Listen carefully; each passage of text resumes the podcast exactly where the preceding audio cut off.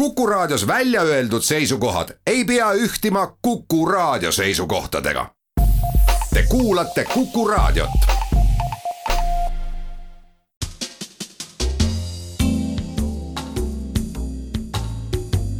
tarkade klubi tere taas, Kuku raadio Tarkade klubi tervitab häid kuulajaid lehekuu neljandal, aga mitte veel viimasel laupäeval Rooma kuulsa Trevi purskkaevu kahesaja viiekümne üheksandal sünnipäeval, Teraspakti kaheksakümne teisel aastapäeval ja ühendatud Jeemeni riigi kolmekümne esimesel aastapäeval. päeval, kui Tarkade klubis nimetatud ja tervel hulgal ka veel nimetamata jäänud sündmustel me täna rohkem enam ei peatu meie klassika jäljes püsiv saade ja mäng kasutab täna teist laupäeva selleks vajaminevat määret ehk on rikastatud Stam klassikalise mälumängu komponentide ehk juudi ja linnu küsimustega. Need ongi osutunud menukaks, nagu teavad tõestada teist laupäeva neile küsimustele vastu minevad head Tarkade klubi mängijad meie stuudiotes. Tallinna stuudios on hea meel taas tervitada austatud Kuku raadio saatejuhti ja teaduse populariseerijaid, armastatud zooloog Aleksei Turovskit. tervist ja hinnatud keemikut, materjaliteadlast ja ingliskeelse Vikipeedia lugejatele ka karikaturisti Marek Strandbergi. tervist! Tartu stuudios tervitame eelmisel laupäeval siin ristsed saanud lauljat, meelelahutajat, ürituste korraldajat ja harrastusornitoloogi, seda on tänases mängus vaja rõhutada, Mait Trinki äh, tervist ja lisan juurde ka, et äh, kastmemeistrit. suurepärane teada. Ja režissööri, kirjaniku ja kultuurierudiiti Andres Keili. tere kaunist, kaunist kevadpäeva! Tänagi siis on mäng kõigilt küsimustelt siooni ornitoloogiline ja kitsamas tähenduses siis nõnda. linnud ja folkloor, rahvuslinnud, linnuvaaria, juudivaaria. Ja ma saan aru, et seda teemat on palju oodatud, juudisport alustame ja täna saavad avavaliku õiguse head tallinlased Marek ja Aleksei, palun. no valige nüüd hästi. valime linnuvaaria, juudivaaria. ei oota, ei ole juudivaaria, vabandust, juudi anekdoodid olid see juudivaaria asemel. juudi anekdood? juudi anekdoodid. kuidas sul nendega on? see kompenseerib minu teadmiste puudumist juudi spordi valdkonnas ma loodan aga jah, üldiselt mul on tuttavaid juute natukene rohkem kui linde, nii et vali sina siis ma võtan ikkagi linnuvaaria. linnuvaaria. linnuvaaria, linnuvaaria. kuueteistkümnendal ja seitsmeteistkümnendal sajandil elanud Hollandi kunstnik Roland Saverei oli üks vähestest, kel õnnestus seda lindu natuurist maalida. aga üks tuntud kirjanik väidetavalt otsustas oma tähtteoses esineda selle linnu kujul ise. Me ei küsi seda lindu, vaid hoopis seda kirjanikku, kes laseb linnul enda päris nime oma tähtraamatus lausuda. Wow kes see lennuvõimetu lind oli? lennuvõimetu? ma arvan küll. noh, lennuvõimetut on loomulikult pingviinid, nii palju kui need ah, on. Nemad on veel alles, aga see oli välja surnud. aga välja surnud on loomulikult drond. drond.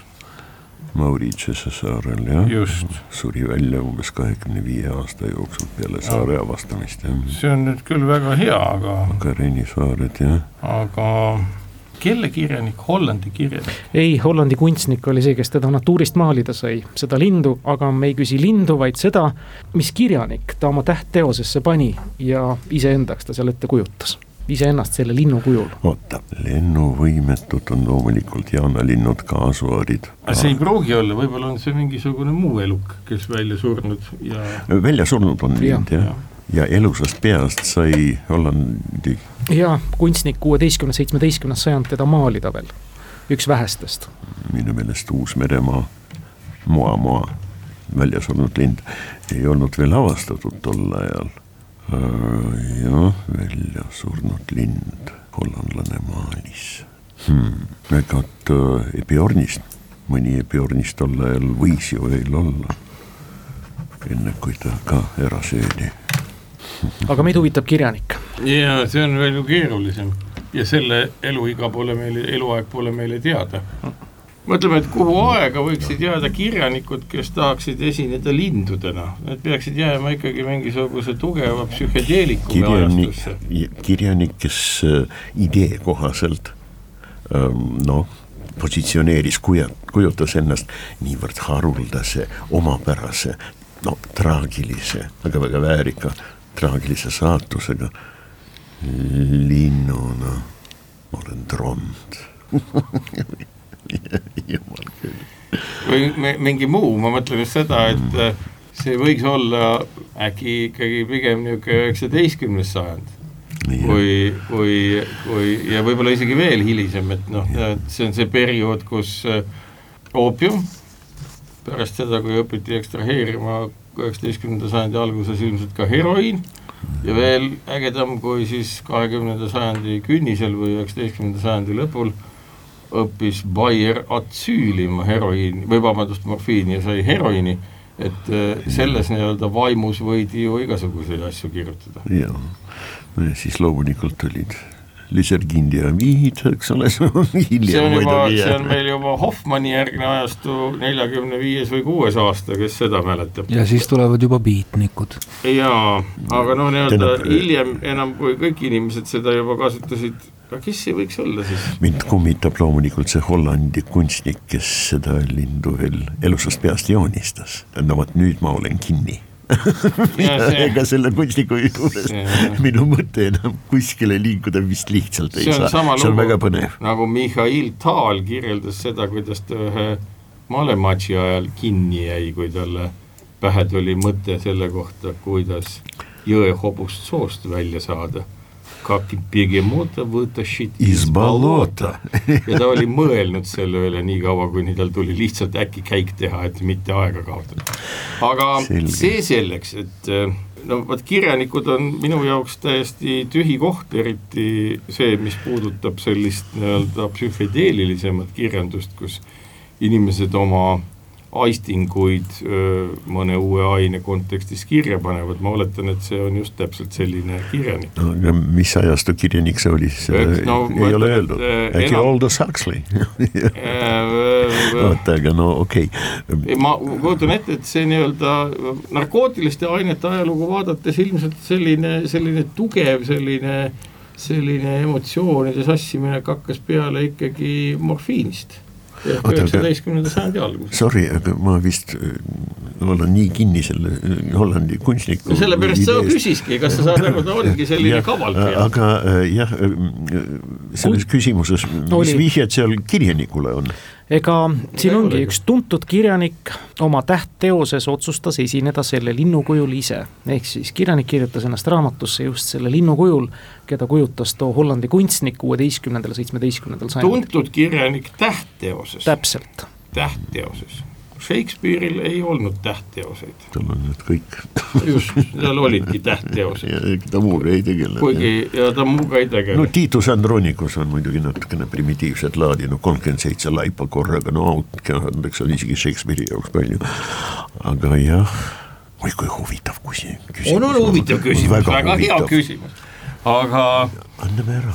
ei, oot, oot, oot, mõtleme, vähemalt ajastu pärast üheksateistkümnenda sajandi algust, tähtteos, no pigem jah, seal nii-öelda see, see, see Keili mainitud kahekümnenda sajandi veel ägedamad äh, ained, aga kes see võis olla tähtteos? kirjaniku tähtteos, see tähendab seda, et üks teos on meelde jäänud mitte ühes oma tähtteoses, aga oma tähtteoses. just. ja kas see on siis, kirjanik on seal nagu mina tegelane või? ja ennast nimetab mm, -hmm. ennast nimetab selleks linnaks mm. -hmm. ta ei ole mina tegelane, ta on. ta lihtsalt. ta lihtsalt on seal tegelane, selle linnu kujul. tegelane linnu kujul. issand jumal, no nüüd mul Need on täitsa metsas. täitsa metsas, mul tuleb noh, Bengali eepos Papagoi muinasjutud, eks ole, ja, ja jumal küll, no, no, no, no, no hakkab nüüd tulema ja, ja, ja, ja sinna ma upun. ära upu, mõtleme välja surnud lindude peale välja surnud linnud. Kuusteist, seitseteist sajand. jah, diatriima palju varem välja surnud, eks ole, epiornis, et äh, moa, moa, vot seesama Dodo ehk siis dront, eks ole. Dodo? üheksateistkümnendal sajandil suri välja rändtuvi Ühendriikides, aga jah aga miks madal Hollandi kunstnik maalis või, viimast rändtuvi, kes ei, suri välja? viimast, tema ajal neid oli miljard viimane oli Marta kuskil Ameerika loomaaias. täpselt jah ja, ja see oli ornitoloogid omavahel vahetavad ja, olulisi krüptilisi sõnumeid. ja, ja, ja, ja see oli ja tublisti hiljem Marta aga... Marta oli viimane jah. no Dodo, Dodo. no see on Dront, eks ole. mina Dodo. no pakume. ei no seda küll, aga kirjanik, me, me peame kirjaniku kirjaniku ma unustan mm -hmm. pidevalt. joo, see on see, mina lihtsalt ei teagi neid väga palju. igat infot ma siiski nagu laialt ei levitaks, Marek ah oh, ei ole midagi, mul on, ma olen juba nii eakas, et ma võin olla ka rumal. mõtleme kirja, kirjanikud, kes on kirjutanud ühe tähtteose. ühe tähtteose? no ühe tähtteose, ma saan aru, et see on üks tähtteos, et see on nagu üheksateistkümnenda või kahekümnenda sajandi kirjanik, kellel on nagu üks tähtteos, me kõik teame teda selle tähtteose järgi. ja selles tähtteoses ilmselt ei ole linnu nime mainitud. Salinger, Catcher in the Rye, tal on loomulikult veel Franny ja Zooey ja tal on palju toredaid teoseid. kuristik rukkis, aga, aga mina ei mäleta, et ta oleks seal ise, aga võib-olla ei ole. aga no ega me ei tea nagunii. jah kurestik rokkis. ja Salinger ei ole kahjuks õige vastus, Andres ja Mait on kui sukad püsinud no, vaid. meie oleme kui kuldid rokkis. kui kuldid sokkide seas meil sai kohe üks asi siia kirja pandud, tegelikult ja see kui, ja meil on ka nüüd... konkureeriv mõte, aga ja. nojah, see, mulle see Maidu mõte tundub parem, nüüd Mait räägi. mõte on see, et äh, sedasama ilusat Tronti, keda te seal tükimat aega rääkisite, et äh, seda on joonistatud küll, temast on väga ilus gravüür mul isegi silmade ees, aga kas see just Saverei oli, seda ma ei oska öelda. küll aga on Dront Edward ja Tove Janssoni muumid rollis, aga vaat, kas ta nüüd iseennast seal kujutas, seda ma ei oska küll öelda, selline mõte käis meil siit läbi. ja teine mõte, mis meil läbi käis, mis on nagu tunduvalt kaugem kolmene, on, äh, on Voltaire kellel olid ka kõiksugu rebased ja kes need seal kõik olid, eks ole, kes rääkisid tähtsatest, äh, tähtsatest asjadest. asjadest, võta siis nüüd kinni, ausalt öeldes noh, eks ma olen ka küll mitte nii eakas kui Strandberg, aga, aga ma olen väga vana muideks, ma lihtsalt aga... näen vähem välja. Kuulge, ma sobin teile papaks kõikidele. Hoobelge. äh, et ühesõnaga ma võin, ma olen piisavalt eakas siis ütleme selleks, et tunnistada, et alates varasest lapsepõlvest kuni varase keskeani olen ma katsetanud lugeda Muumitrolle, aga ei ole sellega absoluutselt hakkama saanud. muidugi Muumitroll nagu... ongi üks tähtteos, ega no, ei oska nagu sellega rohkem nagu suhestuda ja, ja seda Voltaire'i kandiidat nagu lugeda tema ainsaks tähtteoseks ka vist päriselt nagu ei saa, eks. oh ei, Orleani neitsi, oi, tal on palju. jaa, tal on mitu, Janssoniga äh, üks. nii et äh, ma arvan, Mait, et ütle see välja. no aga jääme selle Janssoni juurde. ei ole ka see õige vastus, millest on kahju ah,. selle pika arutelu peale ei kustunud ka see nimi välja. kahtlemata oli Lewis Carrollil ainult üks tähtteos, Alice imedemaal. ja lind muidugi Dodo. on Dodo, kelle ilmumine raamatus tõstatas muide väga eriti teravalt küsimuse hävinud liikidest. tema oli üks esimesi mm, -hmm. kes selle tõstatas ja Dodo ütleb raamatus korduvalt välja kirjaniku päris nime. Dodo Dotchan oli selle mehe päris nimi, Charles Dotchan mm. -hmm. aga lind oli õige. lind oli oli õige, aga me küsisime kirjanikke, nii on. muidugi see on jaa. Carol ja. Charles Ludwig. just, aga palun. ta pidi midagi sööma.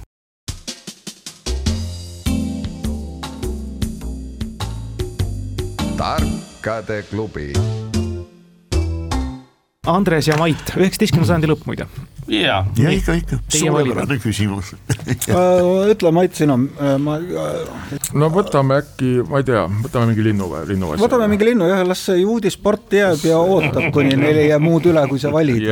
või kuni me vastu ei pea jah, ja siis nad ütlevad selle ära kohe. no kindlasti. no aga ei, võtame siis näiteks noh, võtame rahvuslinnud. võtame rahvuslinnud. suurepärane, Eesti rahvuslind on suitsupääsuke, Hirundo rustica millise riiki moodustava rahva oma veel, kõlab küsimus, pange tähele, riiki moodustav rahvas, mitte rahvus. Küsitava rahva ümmarguselt kaheksakümne kolme tuhande ruutkilomeetri pindalaga ning ligemale üheksa miljonilise elanikkonnaga riigivapil on aga hoopis kotkas.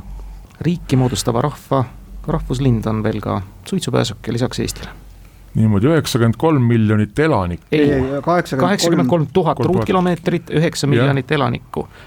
Vapil on Kotkas. kaheksakümmend kolm tuhat ruutkilomeetrit on Kaks umbes Eestit. poole suurem kui Eesti mm. jah, ja üheksa miljonit elanikku. Vapil on Kotkas. riiki moodustav rahvas, mitte rahvus. ahah oota, riiki moodustav, see tähendab siis nüüd, äh, mis see nüüd meil grammatiliselt tähendab siis nagu work in progress või, või ikka riigi moodustanud rahvas? ikka moodustanud. kuidas see nüüd no,, moodustanud ikka? no me elame ikkagi olevikus, jah ja, ja Äh, no vot, mul üks mõte tuli kohe pähe, austerlased. anname punkti, ei ja. venita kohe, kui vastus kostub, see on austerlased, Austria Vabariik ja austerlased on ju etnilised sakslased. ja, ja. Aleks, Marek. mis seal on veel? kõike on, me võime veel võtta linnuvaaria see on hea võimalus punkti mitte saada, mõlemal muideks. strateegiliselt väga oluline. või siis äh, jälle midagi saada. Briti kirjaniku Daphne du Maurieri novell kogumikust The Apple Tree aastast tuhat üheksasada viiskümmend kaks jutustab teise ilmasõja järgses Cornwalli linnakeses toimuvast ja kannab metafoorina üle kogu Suurbritannias toimunu teise maailmasõja jooksul. Märksa kuulsamaks sai Dumoriori lugu üksteist aastat pärast selle trükist tulekut ja siis oli juba tegevuspaigaks Bodega Bay Californias, mis lugu? viiskümmend kolm. viiskümmend kaks, ilmus trükist kogumikus The Apple Tree üks lugu või jutustus sellest, mis toimus teise ilmasõja järgses Cornwalli linnakeses, aga see oli metafoor ja kandis üle kõike seda, mis Suurbritannias toimus teise ilmasõja ajal. see lugu sai märksa kuulsamaks üksteist aastat hiljem, aga tegevuspaigaks oli siis juba Bodega Bay, California. see oli see lugu, et äh, mingi vetikas paljunes ja mingid molluskid sõid seda ja nendega ei juhtunud midagi küll aga juhtus lindudega, kes molluskaid sõid ja hulluks läksid.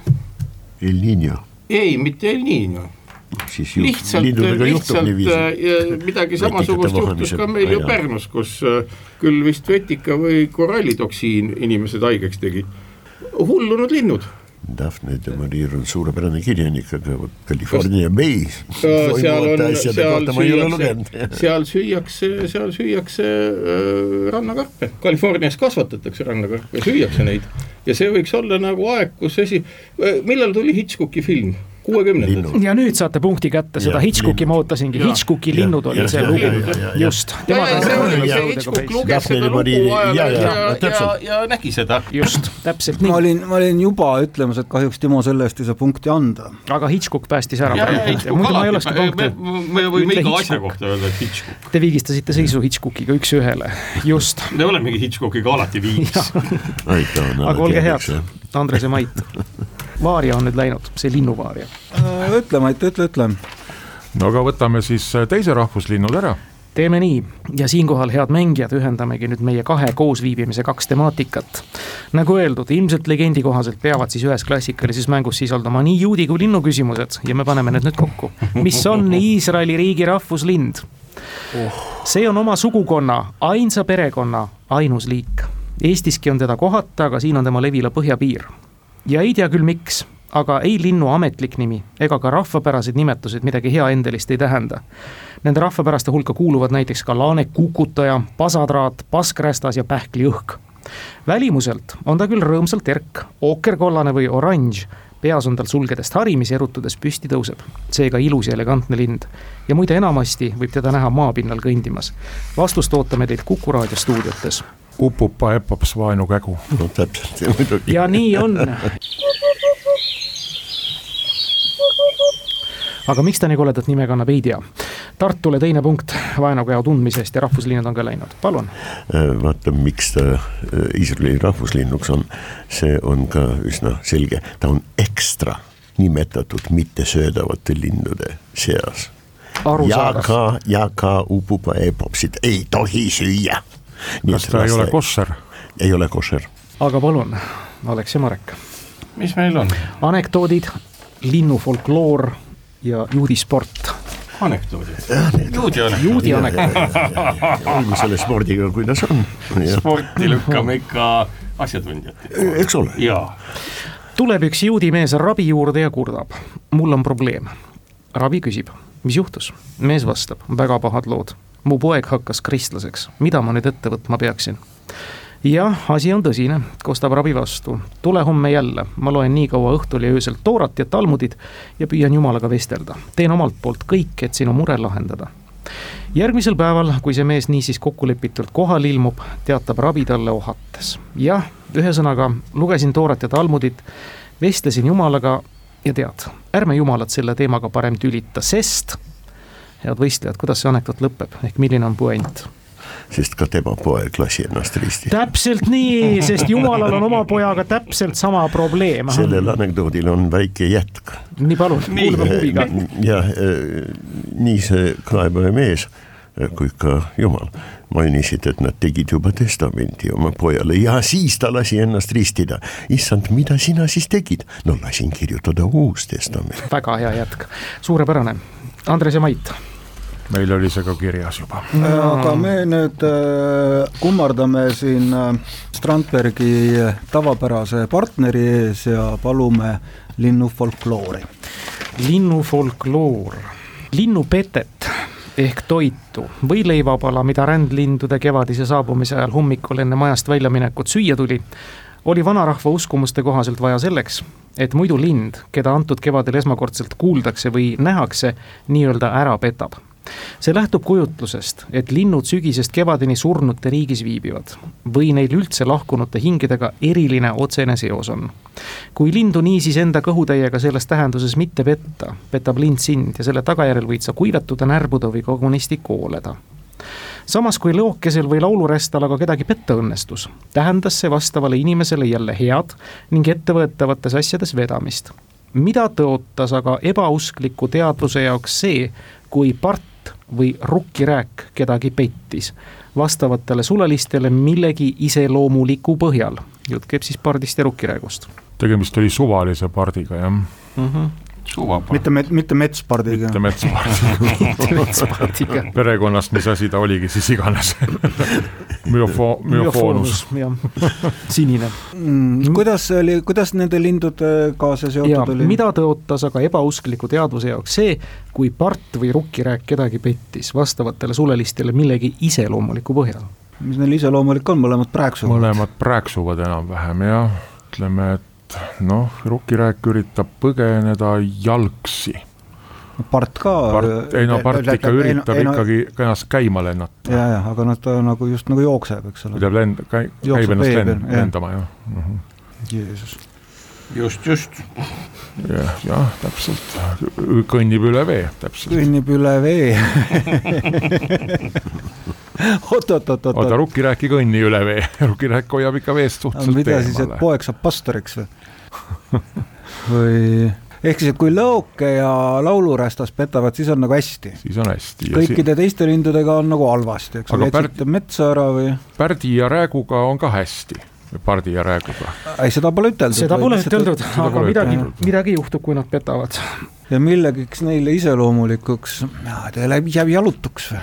Ei, oot, oot, oot, oot, oot, ärme, ärme, ärme veel ütle. ei, ei ütle, ütle, me ei ole kunagi midagi ütelnud. ei ole, mis asja, oota kus me näeme rukkirääku, kus nägi no, vanarahvas? ei aga, aga kus ta teda kuulis? no kuskil põlluservast ilmselt, aasa kõrge rohusest.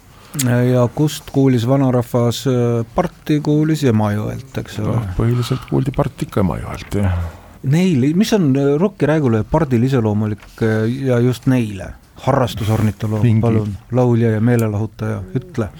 no jätsid ütlemata, et kas, kastmemeister. kastmemeister, kastmemeister. laul puudub, mõlemal selles suhtes, et selline laulu moodi laul. äkki jääbki tummaks ei no ma ei tea, kas teid aitab, aga mul, mul on rukkirääku veel alles, kui te tahate teda kuulata. jaa, taha, mina küll tahan, väga tahan, jaa, see noh, elavdab kaotad nagu, hääle põhimõtteliselt. no kaotad, jääd tummaks või jah.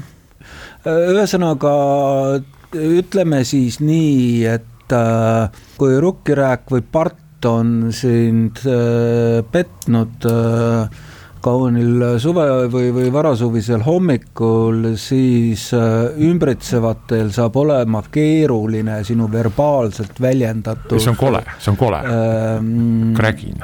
no ühesõnaga jah, et, et tekib tugevaid probleeme petetul verbaalse eneseväljendavus, väljenduse ja selle mõistetavusega. ma ei tea, kus sa olid siis, kui filmiti Mehed ei nuta, Leo Normeti tegelaskujuks oleks suurepäraselt sobinud, ei sobi kahjuks see vastus, aga su kõnekujundid on nii kaunid, et aga palun, Alex Alex ja Marek.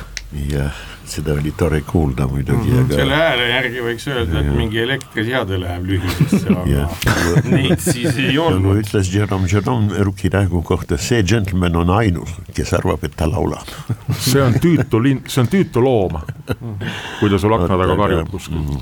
No millal ta, no näiteks mis see linnu petmise protseduur on, ma olen ikkagi mütoloogias ikka väga algaja, et mis see tähendab, et söön? Söön selleks, et näidata, mul on kõht täis, petan linnu ära. petan linnu ära. nagu lind sind petab, vaat see lindude aga kuidas lind mind petab? vot seda peaks nüüd Marju Kõivu puhul ei, see ei, see ei, ei, see on väga lihtne, ei, lind petab sind siis, kui sa lähed ilma söömata välja Tühja ja, ja laulab. just ja, ja, ja kui lind laulab sinu tühja kõhu peale, siis lind petab sind ära ja siis ongi hambad. ahaa, et peaks nagu sööma, lähed tühja kõhuga Ja, ja. välja, siis kuuled sellist, sellist äh, lühisesse mineva elektriseadme häält ja siis on tuksis. ja mis on tuksis? no muidugi ei ole tuksis, ei ole alati tuksis. muidugi part petab sind äh, meelitades enda järele, no see on keeruline, aga täiesti kindel mehhanism, realiseerite konflikt, pesast.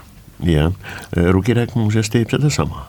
Jääd pesast ilma, jääd kodust ja, ilma. hakkab, hakkab sind meelitama, ma olen haavatud, eks ole, tule, tule Jaa. mulle järele, no rebane või sina või Marek, eks ole. no ma olen ju põhimõtteliselt olengi niisugune punases kampsus eks nagu ole, jah, aga vaevalt siis aga äkki ongi niimoodi, et äh, petab, petab kodu välja, jääd äh, varast ja majast ilma, nagu pankrotihaldur, siis jääd talust ilma. jääd talust ilma, täitsa tuksis värk, kuigi äh, äkki oli midagi tagasihoidlikumat. no ja kuna see talude nagu omandusse saamine üldse oli, eks ole. jah, no ei, seda on olnud pikka aega, siin on olnud, aga nojah, Lähed vasakule, kaotad õnne ja läheb paremale, kaotad hobuse. aga siin ei olnud juttu genderist, mehed, naised, ei, kõik, kõik. et jääd siis mehest ilma, naisest ilma. jääd millestki ilma veel üldisem kui see eneseväljendamise jääd, jääd lihtsalt millestki ilma, kuuled tühja kõhu peale pardi prääksumist ja jääd millestki ilma, ja ise valik, kas sa oled söömata või saamata. jah. Just, aga ei, see kodulugu, et noh, et ta meelitab pesalt eemale, et siis meelitabki inimese kodust või pesast või talust või majast eemale. mõnda last võib meelitada küll, jah. Ei ole ka see õige vastus, teate, asi on märksa lihtsam, isegi ei ole see, et millestki ilma jääd, vastupidi, saad juurde, kuulakem korra. prääksumine on tõepoolest see iseloomulik asi, see ennustab sulle rohkeid kõhugaase ja kõhulahtisust kogu suve jooksul. issand, kui hea küsimus. kui hea. vot nii, ei tasu ilma petta. ja tühja kõhu juht oli selles mõttes õige, et ka tühi kõht teeb selliseid hääli. tühi kõht ja üldiselt see puutus vaata, kui asjasse. lihtne oli meditsiin muiste. täpselt, ei olnud nagu, et, et mis teil on, ai juba pikemat aega kõht lahti. petsin rukki rääku.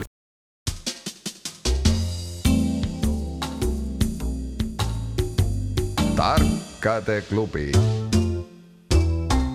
Marek ja Alex. mis meil jäänud on? meil on folkloori, anekdoote ja sporti. anekdoodiga läks hästi. no võtame teise nüüd. võtame teise juuli anekdoodi hea õnne peale. ja õnne peale jah. kohe kuuldav anekdoot kõlab nii, nagu selles edasiantav isegi ka tegelikus elus aset leida võinuks. Berdõtšiv, Kiievi kubermangu maakonnalinn, üheksateistkümnenda sajandi lõpp. ühel tänaval on neli rätsepa ärijärjest. Esimene reklaamib ennast parim rätsep Berdõtšivis. teine aga parim rätsep kogu Vene riigis. kolmas parim rätsep kogu maailmas neljas nõelakuningas trumpas aga enda kohta käiva reklaamiks oleva väite haardeulatusega kõik eelmised sisuliselt ühtlasi paradoksaalselt üle. Missugune tema ülejäänutega siiski küll samas rütmis ja vormilise analoogia põhjal esitatud kiidulause oli? väga tagasihoidlik, parim rätsep sellel tänaval. väga õige, parim rätsep sellel tänaval ja kolmas punkt, tagasihoidlikkus. tagasihoidlikkus kolmas tasub. punkt Tallinnale, Tartul kaks, kõik võimalused on õhus, anekdoodid on küll läinud, aga ma saan aru, et möödapääsmatult spordis hakkab me võime sport. ise kehastuda anekdoodiks. nii, aga, aga, aga me jääme, me jääme seda huviga ootama ja valime lindude folkloori teise. ai sa pagan, kas teil ei Jaa. ole juudispordi vastu austust? nii, lindude folkloor ja teine on. küsimus. Peo-Leo ehk vihmakass ehk Oriolus Oriolus jõuab Eestisse tagasi ligikaudu meie saate eetrisse mineku ajal rahva uskumused temaga seostuvad iseloomuliku laulu põhjal eelkõige madalrõhkkonna saabumisega, sademete ettekuulutamisega. Lõuna-Eestis siiski kuulutas peoleo saabumine Toominga õitsemise ajal ühte olulist tööd agraarkalendris. millist tööd? Lõuna-Eestis jah, valdavamalt kui Eestimaa kubermängus. eelmise temaatilise küsimuse linnupetteni jälle jõudes arvati tollal, et kui vastav lind petab, siis küsitava loodetav hilisem tulemus nigelaks jääb sellega on nii, et et et selle järgi meil siin Lõuna-Eestis talitatakse ka täna. Ja see peaks olema ei muud kui kartuli mahapanek loeme selle vastuse õigeks. mulle meeldinuks ka linakülv vastusena. aga kartulite mahapanek on täpselt seesama, peaaegu seesama. linakülv oli mul selgelt teada, aga kartulitest ma nüüd kuulsin esimest korda, aitäh. noh, aga lõunaeestlased teavad seda täpselt ja no, eks siis neil päevil on maha pandud. linakülv ja kartuli mahapanek, loeme selle õigeks. kolm-kolm ja midagi teha pole. juudisport otsustab tänase mängu saatuse, esimest küsimust saate kuulata teie. Iisraeli spordiklubid on koondunud suuresti kolme suure organisatsiooni alla tuntum neist on ka isegi teile, te olete sellest kindlasti kuulnud, Makaabi, mis oma nimetuse on saanud siis makaablastest juutide sotsiaalse rühma järgi. tuntud on ka spordiklubi Beitar, mis asutati tuhande üheksasaja kahekümne kolmandal aastal muide Riias, alguse saanud praktilise sionismi noorsooliikumise järgi. nimetage nüüd, head mängijad, see kolmas tuntum spordiklubi Iisraelis, mida kannavad paljude sealsete linnade ja asunduste esindusmeeskonnad nii jalg- kui korvpallis see on tuhande üheksasaja kahekümne kuuendal aastal asutatud spordiklubi, mis kannab tõlkes nimetust Tööline jah, tegemist on töölisklassi spordiklubiga nagu Spartak või Trudovõi Reservi olid NSV Liidus. asutas selle muide Iisraeli Ametiühingute Liit ja just sellel klubil on olnud ajaloos Iisraelis kõige suurem rivaliteet Makabidega. me ju võiks ju vastata. aga Tallinn vastab. ma tean, et te võite vastata. aga te võite anda kohe üle siis. aga, aga minu poolt annaks kohe üles. ei, ärme anna, mõtleme okay., mõtleme seda, et sul on ju mingisuguseid heebrea keele selliseid uh, ilminguid. Äh, ma just mõtlesin, et kuidas võib-olla ivriitis, kaasaegses ivriitis, mis oli juba tolle ajal olemas ja käivel, tööline, aga vot ma ei oska öelda, äkki on likud ei ole likud. likud on hoopis mingisugune. ja Tartu, kes võiks ju vastata? No me võiks vastata, et see võiks olla Hapoel. just nii, see on Hapoeli spordiklubi. ja palun väga, ma ei tea, miks te seda juudispordi küsimust nii väga pelgasite, see on teile neljas ei, punkt. seda nad just ei, ei, ei, see on taktika ette. ja strateegia. taktika ja strateegia, nad teadsid ette, et me ei tea juudispordist ega spordist üldse just. mitte kui midagi. ma küll esimest korda kuulsin seda nimetust. Hapoel. just, aga nüüd viimane spordiküsimus ja suurepärane taktika nüüd viib ka viimase küsimuseni Tartu poolele. Boris Gelfand, Maksim Rotstein, Emil Sutovski ja Ilja Smirin esindasid sel spordialal Iisraeli viimatistel tiitlivõistlustel. see on paradoks, sest sama võinuks teha ka USA eest märksa edukamana üles astunud Samuel Shankland või Aserbaidžaani värvides sportinud Deimur Radžabov ja Arkadi Naiditš. millisest spordialast käib jutt? selle ala esimene maailmameister oli juut, nagu ka mõned järgnevad Gelfand on siit ainukene tuttav nimi, korda palun korra mm -hmm. üles kõik. niisiis, viimatistel tiitlivõistlustel esindasid Iisraeli paradoksina Boris Gelfand, Maksim Rotstein, Emil Sutovski ja Ilja Smirin paradoks sellepärast, et sama võinuks teha ka USA eest märksa edukamana esinenud Samuel Shankland või Aserbaidžaani värves sportinud Teimur Radžabov ja Arkadi Naiditš. millisest spordialast käib jutt? Esimene maailmameister sel spordialal oli juut, nagu ka mõned järgnevad. see esimene maailmameister ajab mind natuke segadusse, sest et ma ei tea kindlalt, aga ähm, ma veel ei vasta, ma mõtlen kõva häälega, ma ei mõtle kaasa, aga Gelfand peaks olema maletaja ja see peaks olema ikkagi male, male olümpia.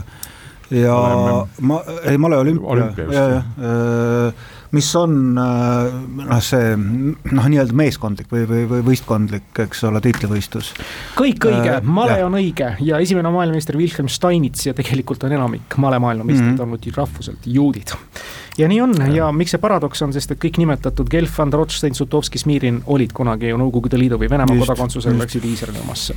no selles ongi asi ja neid on jagunud siis kõikidele ja mis nüüd puutub siis viimatist maleolümpiat äh, venelastest juutidega mehitatud Iisraeli koondis sai kolmekümne üheksanda koha.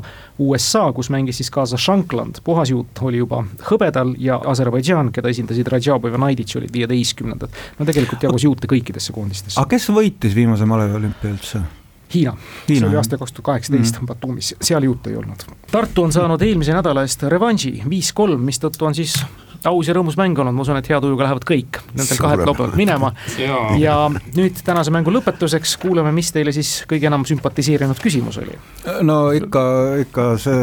kõhugaasid, kõhugaasid loomulikult. kõhugaasid, juba varasest, juba varasest lapsepõlvest me teame, et puuksunaljad on kõige paremad. absoluutselt. muistse ja... meditsiiniga kiituseks peab. ja see asjaolu lepitab mind natukene selle linnulauluga Jaaniööl. jah, suurepärane aitäh teile, Mait ja Andres. aitäh teile. aitäh, Alex aitäh. ja Marek, uute kuulmisteni, ilusat kevadet. hoolega hoitud auhinnad toob kohale Smartpost Itella. lõpetame saate nagu ikka kuulajamänguga eelmisel nädalal lõpetas saate küsimus, kus tahtsime teada saada ühe sõna või mõiste kohta, mille kasutamist Adolf Hitler oma kaheksandal novembril tuhande üheksasaja neljakümne esimesel aastal peetud kõnes raevukalt eitas. küsitav mõiste või sõna ringles inglisekeelsena juba tuhande üheksasaja kahekümnendal aastal ja selle saksakeelne esmakordne kasutamine omistatakse hoopis Ferdinand Otto Mikschele, lisasime vihjena õige vastus on, et see sõna või mõiste on blitzkrieg ehk välksõda, millega Natsi-Saksamaa saavutas Teise maailmasõja algaastatel märkimisväärset edu. kõige õigesti vastanute vahel naeratas loosiõnn Anatoli Sevastjukile. palju õnne, teiega võtame ühendust. uus nädala küsimus kõlab järgmiselt omaaegne Saksamaa jalgpalli ründetäht Jürgen Klinsmann mängis oma karjääri tippaastatel hooajal tuhat üheksasada üheksakümmend neli, üheksakümmend viis Inglismaa Premier League'is Tottenham Hotspuri klubis. tegi seda hästi, lüües neljakümne ühes kohtumises kakskümmend üks väravat ja hullutades fänne. ja seda päris ootamatul moel kord sai Jürgen Klinsmann Londoni õpetajatelt kirja, mis oli täis tulvil vaimustust ja tänusõnu õpetajad tänasid Klintsmanni selle eest, et tänu tema mängule on õpilastel kasvanud oluliselt huvi ja õppeedukus. millises aines, kõlab küsimus ootame vastuseid nagu ikka e-posti aadressil tarkadeklubi at kuku punkt ee või tavapostiga aadressil Tartu maantee kaheksakümmend, Tallinn, Kuku raadio Tarkade klubi. samadel aadressidel on oodatud ka Kuku kuulajate küsimused saates mängivatele tarkadele head küsimused pääsevad varem või hiljem ikka eetrisse ja saavad äramärkimisel premeeritud. tänaseks lõpetame, aga meenutame, et oleme järelkuuldavad Kuku raadio eetris ööl vastu pühapäeva kell kaks ja neljapäeva õhtuti pärast kella kümmet. igal ajal aga internetis läbi Kuku raadio kodulehe taskuhäälingu keskkonna ja nutirakenduse mobiilseadmes. Kuulmiseni